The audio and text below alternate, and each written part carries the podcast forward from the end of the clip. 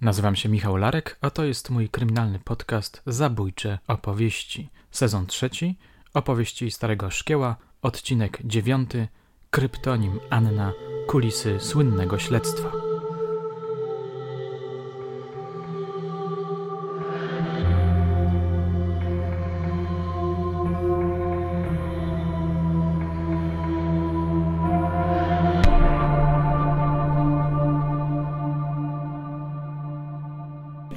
A sprawcy nie tylko tego typu, ale gwałciciele, ekshibicjoniści. Rozbrajarze na tej ścieżce czekali, bo wiedzieli, tam raz po raz ktoś się zjawi, nie? No i wtedy tam, wtedy też taka jedna szła, to koledzy mi opowiadali. Tam siedział taki lekko podcięty, chęć miał na babę, widzi, dzieła na dziewucha, nie? To podszedł i, i złapał ją po tył za, za, za, za, od, za, od dołu, za, za, za, no, no, za, za, za, za narządy, nie? A ta zaczęła się drzeć, nie? Zdjęła but, bo miała szpilkę, jak mu walnęła, to mu wbiła tu. On padł, darła się jak cholera, a był to rejon ciszy. No więc ze wszystkich stron przybiegli y, policjanci, nie? Milicjanci. Co jest, nie? No tu napad, tu tego, nie? Leży facet, leży, ma but tu w głowie, półprzytomny. No wreszcie tam też policjantka była, strzeliła babę w papę i co jest? No napad ją tego, no w porządku, nic nie zrobił, nic. No to ten but, z tym butem go do pogotowia zawieźli, mu operację zrobili, nie? Bo miał przebite już, nie? No ale podejrzewam, że już więcej żadnej kobiety nie chwytał. Ale 48 godzin odsiedział, nawet więcej chyba. Było potem inny przypadek, że poszczelono kogoś tam, nie? Potem robili taką rzecz, że kobiety, y, milicjantki z takimi kaskami chodziły też i rejon ciszy, albo mężczyzn przebierali w, w kobiecy strój i chodzili, żeby sprowokować sprawcę. No ale to, co w pewnym czasie tam kończyło, bo to okazywało się, że nie spełnia swoich. Poznajecie? Tak, to kapitan Czechanowski. Spotkałem się z nim ostatnio 19 września tego roku, aby nagrać kilka kolejnych jego historii. To, co przed chwilą usłyszeliście, to fragment opowieści o jego udziale w słynnym śledztwie w sprawie wampira z Zagłębia. Przypomnę, tamta historia zaczęła się od zabójstwa Anny Mycek 7 listopada 1964 roku, a zakończyła 6 stycznia 1972 roku, kiedy zatrzymano domniemanego sprawcę, czyli Zdzisława Marchwickiego. Pomiędzy tymi dwoma datami panowała na południu Polski psychoza podsycana kolejnymi charakterystycznymi mordami. Ostatnią ofiarą miała być Jadwiga Kucia. Dzisiaj nie będę wchodził w szczegóły owej niezwykle rozbudowanej, poruszającej i skomplikowanej historii, która znalazła odbicie w bardzo wielu opowieściach dziennikarskich, ludowych, filmowych itd. Tak Zainteresowanych nimi tymi szczegółami, odsyłam teraz do książki Przemysława Semczuka pod tytułem Wampir z Zagłębia, który przedstawił własną autorską wizję sprawy Marchwickiego.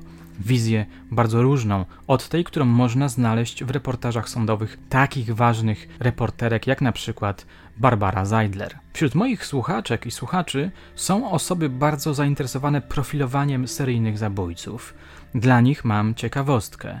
W tekście kryptonim Anna Elżbiety Cierlicy oraz Jarosława Rulskiego znajdziecie interesujące fragmenty pokazujące w jaki sposób próbowano profilować wampira, skąd czerpano inspirację, jacy zachodni mordercy stanowili punkt odniesienia.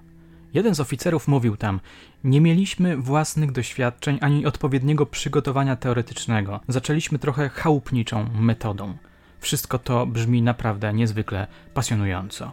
Tutaj urywam i przechodzę już do sedna tego odcinka, do opowieści Starego Szkieła, który został oddelegowany z Poznania do Katowic i stał się członkiem grupy o kryptonimie Anna.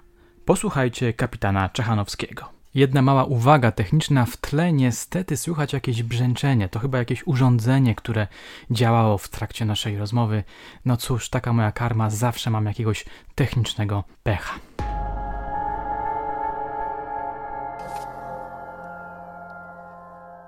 Pod koniec marca 70 roku i byłem już po stażu, bo miałem 3 lata taki staż, została powołana grupa kryptonim Anna, przedtem nazywała się Zagłębie, która miała na celu złapania seryjnego zabójcy kobiet w rejonie Śląska i, Śląska, Śląska i Dąbrowskiego.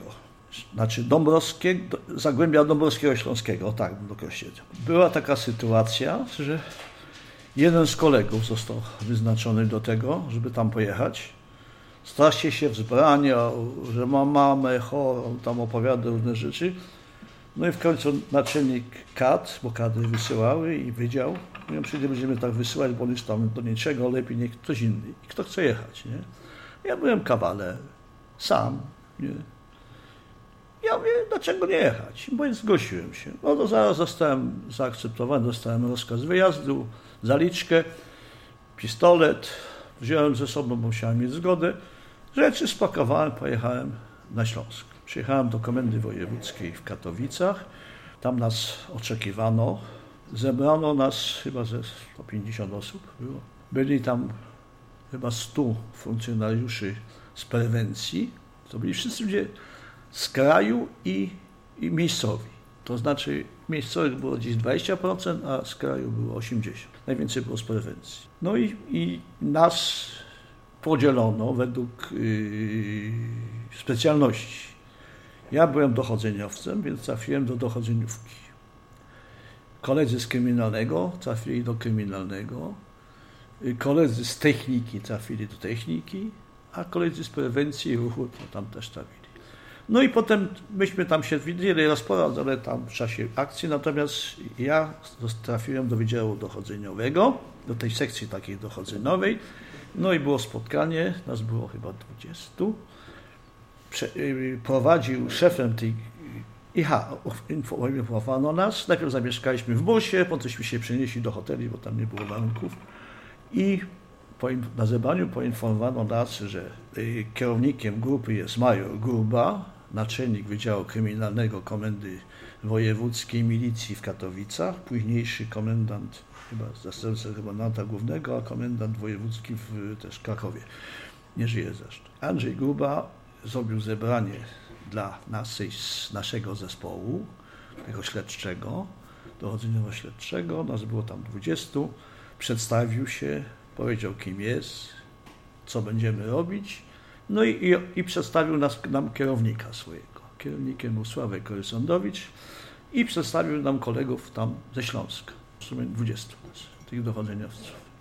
Może 17, bo to ta się potem cyfra zmienia, ale dziesiątka na pewno była. No i kiedyś się przedstawiliśmy wszyscy sobie, ustaliliśmy, gdzie kto mieszka. Nie? Potemśmy załatwili sobie, że zamieszkać w najlepszym hotelu, jaki w Katowicach był, no bo tam te warunki w Bulsie były ciężkie takie. No i mieszkaliśmy tam cały czas. I zaczęło się od tego, że odbyła się narada. Przedstawiono nam genezę całej tej sprawy, która z, z nazwy Zagłębie, grupa Zagłębie była, tą grupę rozwiązano, prowadzono grupę kryptonim Anna. Grupę operacyjno-śledczą, która miała za zadanie sprawcy, ustalenie sprawcy i zatrzymanie sprawcy zabójstw kolejnych kobiet. Co się mówiło w ogóle wśród Was o tej sprawie? Czy to Was ekscytowało? To znaczy się, myśmy jak przyjechali z kraju, to tam za bardzo nie wiedzieliśmy. Wiedzieliśmy, że tam mordują kobiety, na Śląsku to często było zabójstwa, więc to nie było specjalnie jakieś tego, a dopiero na miejscu zostaliśmy poinformowani, co to jest. Przedstawiono nam miejsce naszego postoju i to miejsce postoju było y, przy ostatnim miejscu zabójstwa ostatniej ofiary została Maria Kucia się nazywała, była to docent y, polonistyki na Uniwersytecie Śląskim, mieszkała w Siemianowicach, Siemianowice Bytków, co się tak nazywa. Pierwsza baza nasza, tej grupy dochodzeniowej była właśnie w komisariacie, w komendzie miejskiej w Siemianowicach. Tam byliśmy chyba 3-4 miesiące. Zaczęto nas, najpierw opowiadano nam w ogóle o sprawach, o atmosferze tam panującej, o ustaleniach, o tym, że sprawy najpierw były prowadzone oddzielnie przez poszczególne jednostki zabójstw kobiet, że było zabójstw wiele, ale te charakterystyczne, takich to tam ustalono mniej więcej ile ich było, gdzieś było 20 parę. Kiedy nam to powiedziano, zawieziono nas potem na miejsca, gdzie to się odbywało, gdzie znaleziono te zwłoki, żebyśmy mieli zorientowanie się, bo to się potem przydało do dalszych czynności. Ostatnią sprawą to było zabójstwo właściwie w tej kulcie. I ja tą sprawę dostałem do prowadzenia. I jeszcze trzy inne sprawy takie. Zaczęło się od tego, że przywieziono nam akta spraw wszystkich tych, tych 20 tam paru To taki pokój był duży jak ten, tak, tak taki to cały. Siedziało nas tam dziesięciu i takie trzy wielkie szafy. Przyjechali zomowcy i przywieźli kilka worków akt. Wysypali to. I teraz tak, Czechanowski, czyli ja, miałem kartkę napisane, jakie mam śledztwa prowadzić. Ostatnie, czyli zabójstwo Kuci i tam jeszcze chyba trzech innych. No i teraz tak, kierownik sekcji brał pierwszy papier i mówił, aha, już zorientowaliśmy się, gdzie dana sytuacja była, dane zabójstwo, więc jak powiedział, że tam na przykład Czelać, ulica taka, to wiedziałem, że to moje, nie? Taka notatka Czechanowski, to na kubkę. Pod tym hasłem ten, nie? Taka notatka Tadziu, materiały operacyjne, podsłuchy, tam wszystko było. Wszystko było wsadzone, bo te sprawy prowadzili osobno, potem to złączyli razem, potem przyjechała grupa prokuratorów powołana, która miała to uporządkować, więc oni przeglądali, aha, też wsadzili wszystko do wora, niech się martwią. I żeśmy chyba, ja wiem, pół miesiąca, nawet nie więcej, od rana, aha, przyjęto zasadę, że pierwsze dni, aha, przede wszystkim tak, na to ostatnie miejsce zabójstwa pojechaliśmy wszyscy, żeby zobaczyć, gdzie to jest, jak to wygląda, zapoznać się z tym. Nawet były takie wskazania, żebyśmy poszli sobie tą drogę przejść, zobaczyć. Tutaj. No ja najwięcej się tym interesowałem, bo to moja, ta moja sprawa. Aha, i ustalono tak. Przyjmujemy pewien porządek, żeby to uporządkować. Porządek w papierach rzeczą najważniejszą jest. I przyjęto tak. Pierwsza, pierwszy dział, akt, to jest tak wiadomość o zdarzeniu. Nie? Bo nie zawsze wiadomo było, czy to zabójstwo, czy wypadek. Za wiadomość o zdarzeniu. Druga, oględziny miejsca zdarzenia. Trzecia, wyniki badań śladów zabezpieczenia na miejscu zdarzenia. Czwarte, tożsamość ofiary. Piąte, ostatnia droga ofiary. I szósta była wersje osobowe. Takie sześć działów. I w każdej sprawie tak to było prowadzone. I teraz no, najpierwśmy zbierali materiały z tego stosu. Czasami człowiek miał przez cały dzień dwie, czasami miał pięćdziesiąt. Wszystkośmy kładli. Ja miałem czasami tyle, i wreszcie jak te worki, wszystkie, to wszystko zostało, szuflady, pusto było, nic nie było, kierownik nie miał, no to teraz zaczęliśmy porządkować. I, I było się tak. Najstarsza była, najnowsza była ta ostatnia, więc ta była na tej najwięcej poświęcała się, więc ja byłem tą kucie i tak. Miałem już jakieś akta, bo ci te akta zrobili, więc przeglądam te akta, miałem papier, długopis i czytam. Pierwsza notatka, tu, tu, tu, tu, tu, aha. I od razu patrzę, co moim zdaniem trzeba uzupełnić. I mówię, o, tu jest napisane, policjant napisał to i to, ale go, że jakiś tam ktoś był, widział, ale nie napisał kto i policjant nie napisał szczegółowo. No to od razu przesłuchać policjanta, ustalić to za policjant, przesłuchać na okoliczność, kto, co, gdzie i tak dalej. Drugie, oględziny, nie? Czytam oględziny, to to, o, tam jakiś przedmiot jest i o tym przedmiocie nic nie ma w dalszej części. Czyli od razu, co stało się z tym przedmiotem zabezpieczonym. Nie? Jeżeli znaleziono, gdzie się znajduje, kto wydał decyzję, czy robiono oględziny, to na oględzinach znaleziono, jeżeli znaleziono, to czy skierowano do laboratorium. Druga teczka. Następnie przesłany świadek, nie?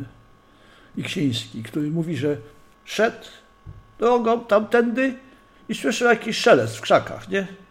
Ale mówi, nie zainteresował się, poszedł i potem okazało się następnego dnia, bo on do pracy wtedy chodził, że tam leżą zwłoki. Takie krótkie tylko. No to tego człowieka wezwać, czasami przez dwóch, trzech lat wezwać, czy ustalić, czy żyje, wezwać, czy tam pracuje, sprawdzić najpierw, czy on tą drogą zwykle chodził, bo to może być sprawca, nie? Jeżeli tak chodził do pracy, sprawdzić, czy tego dnia szedł, czy wracał o tej porze i dopiero się go wtedy Potem to wszystko się pisało, potem się go przesłuchiwało. I tak się porządkowało akta. Spra notatka po notatce, kartka po kartce. Wszystko się układało. Pierwsze trzy miesiące pracowaliśmy tak w systemie tak zwanej ruskiej 8 godzin. Czyli od, od 8 do 20. Codziennie przez trzy miesiące. No i dzięki temu żeśmy te akta uporządkowali. Były na przykład jakieś informacje, że Iksiński bije żonę, gryzie ją, znęca się i tak dalej, nie? No to praweśmy wyciągali, pisało się pismo do Wydziału Kryminalnego, proszę ustalić wszystko o Iksińskim. Nie? No i szło. Ja to miałem kopię, pismo poszło tam o tym Miksińskim. No to czasami zdarzało się tak, że przysłali, że ten, co tą notatkę sporządził, policjant, milicjant przychodził do mnie i mówi, że on to pisał, no to ja go przesłuchiwałem. To zwiedział stamtąd, to, to, to. Potem była decyzja, co Miksiński zrobić. No może, kurde, trzeba sprawdzić jego alibi, nie? Czy te, tych wszystkich dniach, kiedy było zabójstwo, czy, gdzie on był. No to się to sprawdzało. Zlecało się operacyjnym, albo, albo myśmy sami sprawdzali. Na przykład pracował w kopalni, no to się szło do kopalni, sprawdzało się, czy był tego dnia w pracy, tak był wpisany, czy zje, gdzie pracował na dole, czy zjechał na dół, tak zjechał, odbił markę, odbił i majster się pytał, gdzie używało się majstra, sztygara, przesłuchiwało go się, czy był tego dnia, był, co robił, no robił tam na przodku, to tam jest 20 minut tego, także nie mógł być na miejscu zdarzenia. Nie ma brata, nie ma bliźniaka, nikt mu marki nie odbył, w związku z tym był do tego, do tych zabójstw wyeliminowany ten Niksiński. Ale teczka jego nadal figurowała, że był w zainteresowaniu. Bo jak następne by było zabójstwo, to on był w pierwszej kolejności sprawdzany, czy on przypadkiem tam nie był. I to była taka to była robota strasznie trudna, wymagająca myślenia. Robiliśmy eksperymenty sprzed trzech lat na słyszalność, na widzialność, na, na czy tędy można było widzieć tego, czy stamtąd można było słyszeć, czy z tego budynku było to widać, a nie było widać. Wszystko weryfikowaliśmy i na tym polegała ta nasza praca, a równocześnie y, staraliśmy się no, zbierać wszystkie informacje o mężczyznach, którzy znęcali się nad rodziną, którzy y, mieli sprawy za pobicia, za, za gwałty, za takie coś. To cały czas. Nie? Braliśmy też udział, y, mieliśmy normalne dyżury, takie dochodzeniowe i na przykład w niedzielę się siedziało od, od 8 do, do 20. Była grupa, był dochodzeniowiec, kryminalny, przewodnik z z prewencji, kierowca. No i siedzieliśmy, dzwonią. Zwłoki kobiety nad rzeką, no to my su, jechaliśmy tam, nie? Oglądaliśmy, e, widzimy tam, że głowy nie ma rozbitej, nic nie ma. Kto to jest? No tam, mówi pijaczka, rzeczywiście czuć gorzałe. Piła, ustaliliśmy kto, co, gdzie, nie nasza sprawa, ale czynności wykonaliśmy wszystkie, właśnie z oględzinami, zabezpieczeniem wszystkiego. Jak z Komendy Wojewódzkiej przyjechał zespół, no tośmy przekazywali mu tak zwanego gotowca, a myśmy odnotowywali, że taka kobieta, ale to nie, była, to nie, była, to nie był zabójca przez nas poszukiwany. I tak przez 10 miesięcy robiliśmy wszystko. Ja z tą kucią miałem bardzo dużo, ponieważ mnie pozwo- ponieważ ona wracała z pracy z uniwersytetu. Jechała tramwajem na pętlę, nazywała się tak zwana pętla Alfred w Bytkowie. To jest niedaleko stacji telewizyjnej. Takie są dwa laski. To jest pętla i za tą y, opłotowanym terenem telewizji to jest Chorzów, a Siemianowice. Wzdłuż płot, znaczy była droga ładnie tak naokoło, nie, oświetlona, a tu była taka ścieżka wzdłuż płotu, bo tam poniżej było osiedle, było widać, nie? Tam 300 metrów ale tak dół. To było ciemny teren, takie laski tam. Wszyscy chodzili tam, ale niektóre panie szły sobie tu, nie? I ona szła, wracała do domu wieczorem i też wysiadła na tej piętrie Alfred i tam szła wzdłuż tego, a w międzyczasie z tego osiedla córka jednego takiego chyba nauczyciela, dziewczynka tam chyba z 9 czy 10 lat, wyszła z pieskiem, żeby tam piesek się wysiusiał, nie? I była poniżej tego. To znaczy, tak jakbyśmy tu, ona, ona ta kucia szła z tamtej strony, teren oświetlony, do końca tego płotu, gdzie było ciemno, a ona była tu jeszcze niżej z tym psem. Także ona widziała, że ktoś tam idzie, nie? I, ale się nie interesowała, bo ten pies wracał i usłyszała takie uderzenie, bo to był wieczór, tak jakby ktoś dechą walił w garnek, nie? Tak dwa razy, łup, łup, nie? No, nie, nie widziała i poszła do domu. I się okazało, że widziała sprawcę.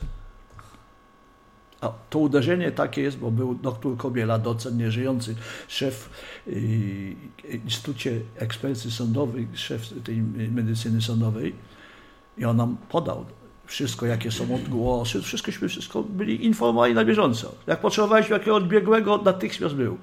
I on powiedział, że takie uderzenie drągiem w czaszkę, jak pęka, to słychać taki odgłos, jakby uderzyć w garnek.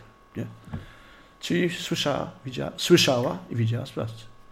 No i teraz, a trzy sprawca nie widział jej. Nie? Więc natychmiast ochrona rodziny jej I ja byłem zaprowadzony do domu do niej, takie osiedle domków, takich bloków byłem zaprowadzony. Przedstawiono mnie rodzicom. Miałem pisemne upoważnienie od kierownika grupy, że tylko ja jedyny mogę się skontaktować z nią, tą dziewczyną i z jej rodzicami, a przed domem naokoło wszędzie wydział obserwacyjny pilnował ją. Ona szła do szkoły, to jechała tramwajem, to dwóch jechało z nią tramwajem, dwóch jechało samochodem, dwóch czekało przed szkołą, dwóch przed domem. Nie? Pilnowaliśmy cały czas. I, I, muszę panu powiedzieć, że żeśmy masę pracy wykonali, masę. I to było wszystko uporządkowane według tego schematu. Jakieś I ciekawe momenty? No, ciekawe momenty w samej sprawie nie, bo myśmy tam w tej sprawie mieli taki system alarmowy, że jakby było zabójstwo, to każdy z nas miał wykaz ludzi, który, do których trzeba było polecieć i sprawdzić, czy są w domu. No, zdaję sobie sprawę z tego, że dzisiaj raczej uważa się, że to nie był Marchwicki. Co pan Uważa się. Ja uważam, że, że to był. Ja wprawdzie nie, nie wiedziałem, kto to Marchwicki jest, bo myśmy skończyli w lipcu, a Marchwickiego zatrzymali w styczniu. Ale wszystkie materiały z naszych spraw stanowiły, był gotowcem, nie? Bo tylko podejrzanego w to wsadzić nie? i przeprowadzić czynności związane z nim, nie? Czyli dobrze rozumiem, że pan uważa jednak, że to był Marchwicki. Tak. No.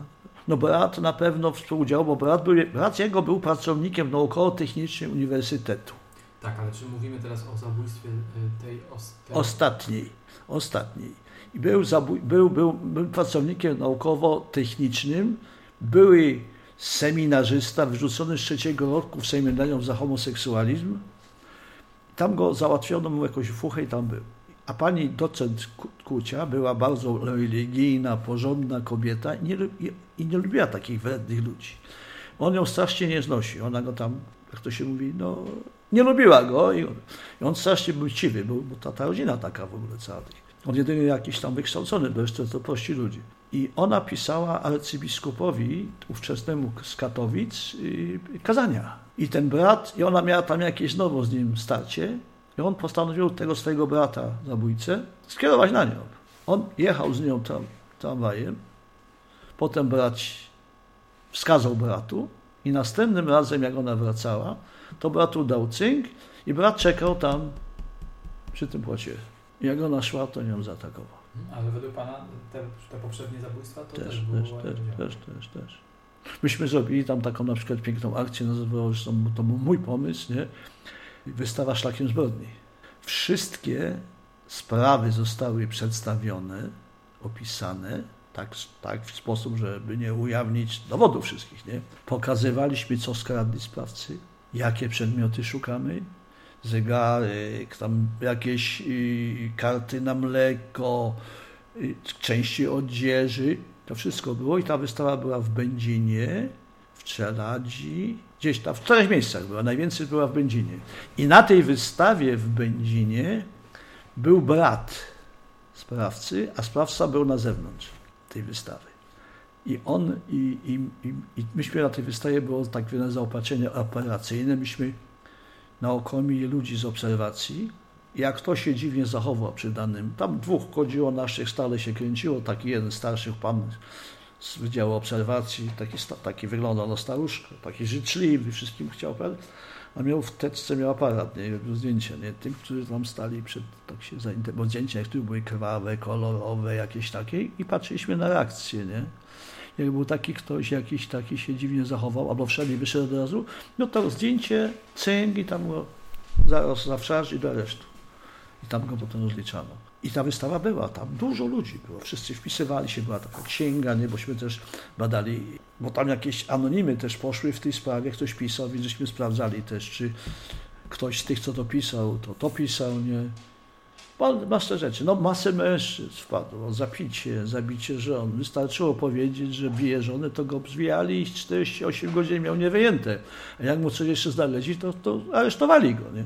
Bo tam była taka psycha. I ukazywało się taka w gazecie, tylko nie wiem której, ale chyba w Trybunie, tej, tej śląskiej, Major Grubo opowiada, taki był artykuł, i on opowiadał o poszczególnych sprawach w celu, żeby cały czas społeczeństwo było zainteresowane, chciało udzielać informacji, no bośmy szukali tych informacji, czy ktoś wiedział, nie?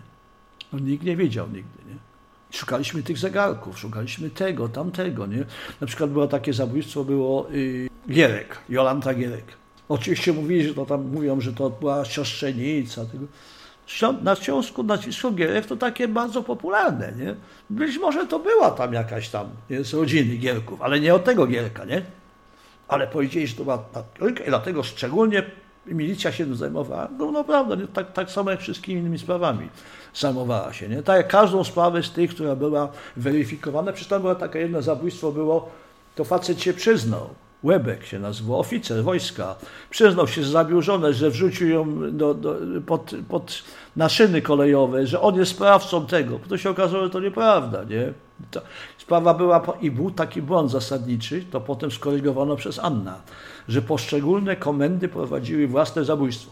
Nie było koordynacji. A sprawca poruszał się na terenie. Zresztą na Śląsku i w Zagłębiu to jest tak, że tu pan ma Siemianowice, a z tej strony pan ma Katowice, a tam pan ma Chorzów, nie? Więc te granice tak były blisko, że z geodezji by trzeba było ustalać i przemieszczanie się ludności to tam żaden problem, czy na rowerze, zresztą komunikacja była bardzo dobrze wtedy rozwinięta, więc można było wszędzie dojechać. Na przykład prowadziłem taką sprawę Łagiszy zabójstwo, znaczy usiłowanie zabójstwa. Ta kobieta przeżyła. Wszyscy, normalnie szła droga oświetlona, ale była taki skrót przez lasek, to jest z przystanku na autobus, nie? z przystanku do domu. No i kobieta, zamiast, biały dzień, zamiast powiedzmy sobie przejść normalnie, to szła na skróty. No i tam ją walnął, nie? Zaraz ją uderzył, ona przeżyła, nie pamiętała nic, nie? Ale zostawił ślady, bo świętej pamięci docent Kobiela wszystkie te robił zdjęcia tym żyjącym, rentgenowskie obrażeń na czaszce, a nieżyjącym robił odlewy z tych czaszek, nie? tych urazów. I potem jak jego zatrzymano, to znaleziono Page, który odpowiadał temu. Nie? Marchwicki się przewijał w aktach wcześniej? I w jednej sprawie się przewinął i przez nieudolność milicji no, przemknął.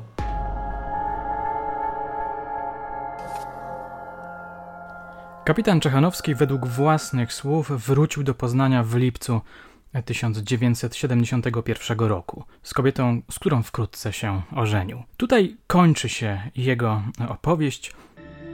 Jak doskonale wiecie, dzisiaj coraz częściej mówi się o tym, że Zdzisław Marchwicki został niesłusznie oskarżony o zabójstwa 14 kobiet i o usiłowanie kolejnych siedmiu że on wcale nie był owym słynnym wampirem z Zagłębia. Rzecznikiem takiej wersji jest chociażby wspomniany na początku tego podcastu Przemysław Semczuk, Muszę przyznać, że ta książka zrobiła na mnie duże wrażenie. Ta sprawa to jest czarna karta polskiego sądownictwa i prokuratury, mówił Semczuk w jednym z wywiadów.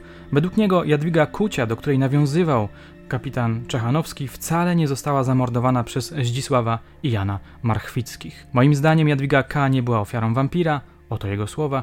Mam własną teorię na ten temat, potwierdzoną wieloma dowodami znajdującymi się w aktach. Znaleziono ślady dwóch sprawców, a wampir zawsze atakował sam. To jednak tematy na inny odcinek, który prawdopodobnie nagram za jakiś czas. Odezwałem się do Semczuka, zgodził się wstępnie na wywiad. Mam nadzieję, że uda się nam zgrać terminy i zrobimy rozmowę, która przypomni jego narrację na temat Zdzisława Marchwickiego. Na temat człowieka, który mam wrażenie odgrywa w naszej kulturze rolę kogoś w rodzaju hrabiego Drakuli. Chyba wszyscy go znają i w podobny sposób kojarzą. Jako wampira właśnie, który przez szereg lat napadał na kobiety, dając w ten sposób ujście swoim morderczym instynktom. Na dzisiaj to już wszystko. Dziękuję Wam za uwagę, ściskam Was mocno. Do usłyszenia już niebawem.